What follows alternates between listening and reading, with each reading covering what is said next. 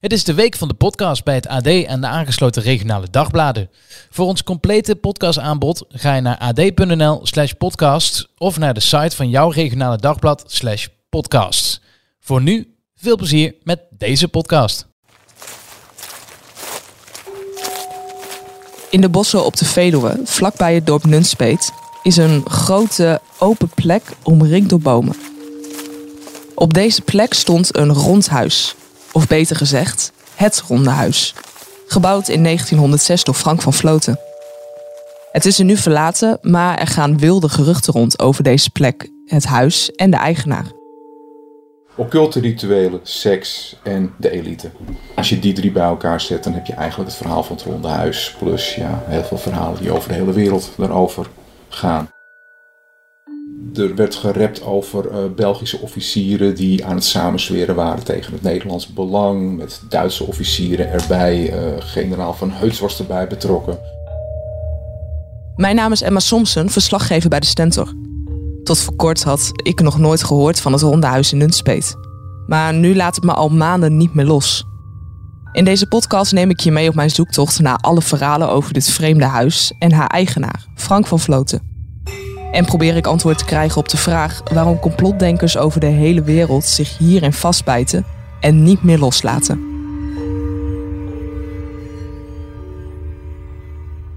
Mijn zoektocht die begint in Koog aan de Zaan, op meer dan 90 kilometer afstand van het Ronde Huis. Hier woont Wilmar Taal, de schrijver van het boek Van dorpsroddel tot complottheorie, verhalen van het Ronde Huis. Samen met mijn collega Karen Smolders ga ik bij hem langs. Hallo. Hoi, ik zou zeggen, kom verder. Kunnen we gewoon door? Ja hoor, loop maar door. Wat me meteen opvalt aan het huis van Wilmar is dat het helemaal vol ligt met boeken, archiefstukken en foto's. Overal waar je kijken kunt liggen ze. In de woonkamer, de gang, op de trap en in zijn werkkamer. Jeetje. Oké. Ja, het gaat aan de andere kant nog verder. Het is een beetje puinhoop hier, maar ik moet nog even een beetje opruimen.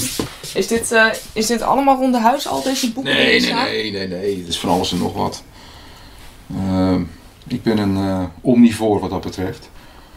Ehm, ik heb hier bijvoorbeeld geschiedenis van de Zaanstreek. Eh, dit is mijn hele UFO-afdeling. Nou ja, ik had het net over die Tempeliers. Een aantal boeken over aangeschaft. Ronde Huis staat aan de andere kant. Dat is dit plankje hier. Oh, dat valt eigenlijk heel erg mee. Ja, nee, er staat nog iets van 10 gigabyte op mijn harde schijf. En dan, oh ja, Ja. ook nog grappig. Dit is zeg maar alles wat ik uit archieven vandaan heb. eh, even kijken. Rondehuis Nunspeet. Dit zijn wat de papieren.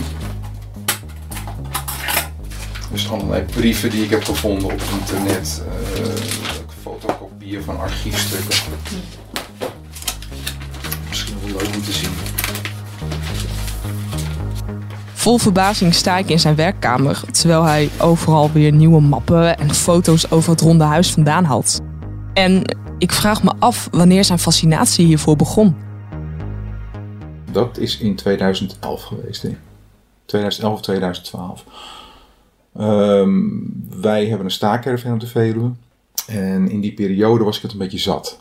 Ik had zoiets van, ik wil ergens anders heen, ik wil iets anders gaan doen. En ja, het geld was er niet voor om op vakantie te gaan naar verre landen. Dus ik moest eigenlijk mijn eh, verblijf op de Veluwe heruitvinden.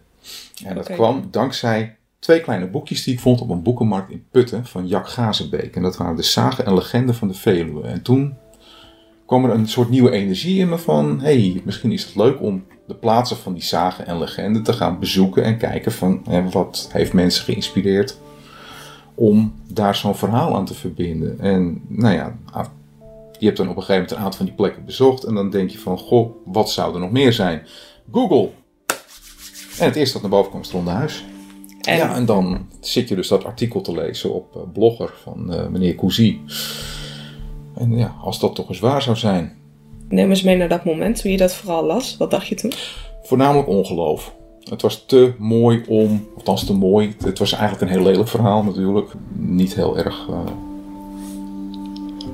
ja, hoe moet je het zeggen? Het, niet, niet heel inspirerend om te zeggen van. eh, God, dat, het, het was wel uitnodigend om er eens een keer in te gaan graven van hè, eh, hoeveel klopt er eigenlijk van dit verhaal. En ja, dan ga je beginnen bij zo'n streekarchivariaat. Die heeft dan alle kranten uit die periode online staan. Dus ja, we gaan beginnen gewoon met zoeken.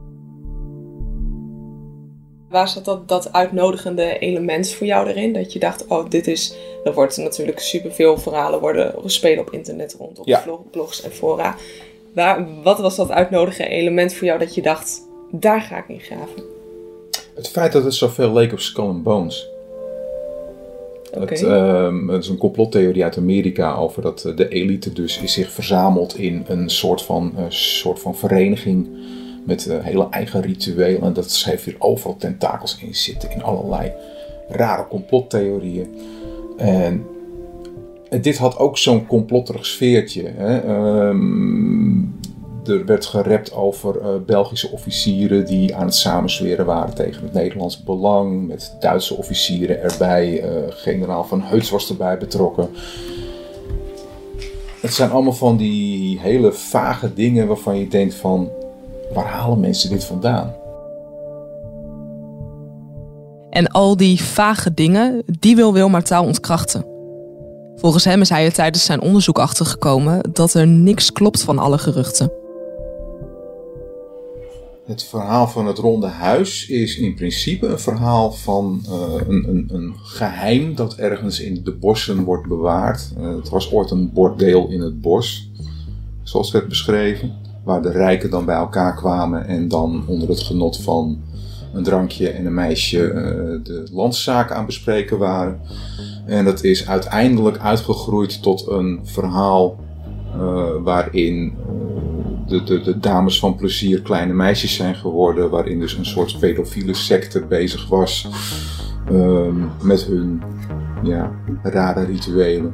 Het, het, het verhaal is zich uiteindelijk zo vreselijk gaan vertakken dat eh, eh, er zijn zoveel aparte lijntjes bij gekomen dat het een beetje een onontwarbare boel is geworden. Maar in essentie komt het neer op occulte rituelen, seks en de elite. Ja. Als je die drie bij elkaar zet, dan heb je eigenlijk het verhaal van het Ronde Huis. Plus ja, heel veel verhalen die over de hele wereld daarover gaan. Is, is dat ook volgens jou het verhaal van het Ronde Huis? Nee. Oké, en wat is volgens jou dan het verhaal van het Ronde Huis? Volgens mij is het verhaal van het Ronde Huis een ehm, eenzame oude man die een paar verhalen heeft gehoord, een paar roddels uit het dorp en daar een heel verhaal omheen heeft verzonnen. Maar daar is niet iedereen het mee eens. Volgens een grote groep mensen zijn er archiefstukken verdwenen waar de waarheid in zou staan. Worden mensen gedwongen door de AIVD en het Koningshuis om een mond hierover te houden. Zo ook de eenzame oude man die Wilmar Taal hier al even noemt. Dat is Johan Montenberg, onthoud die naam.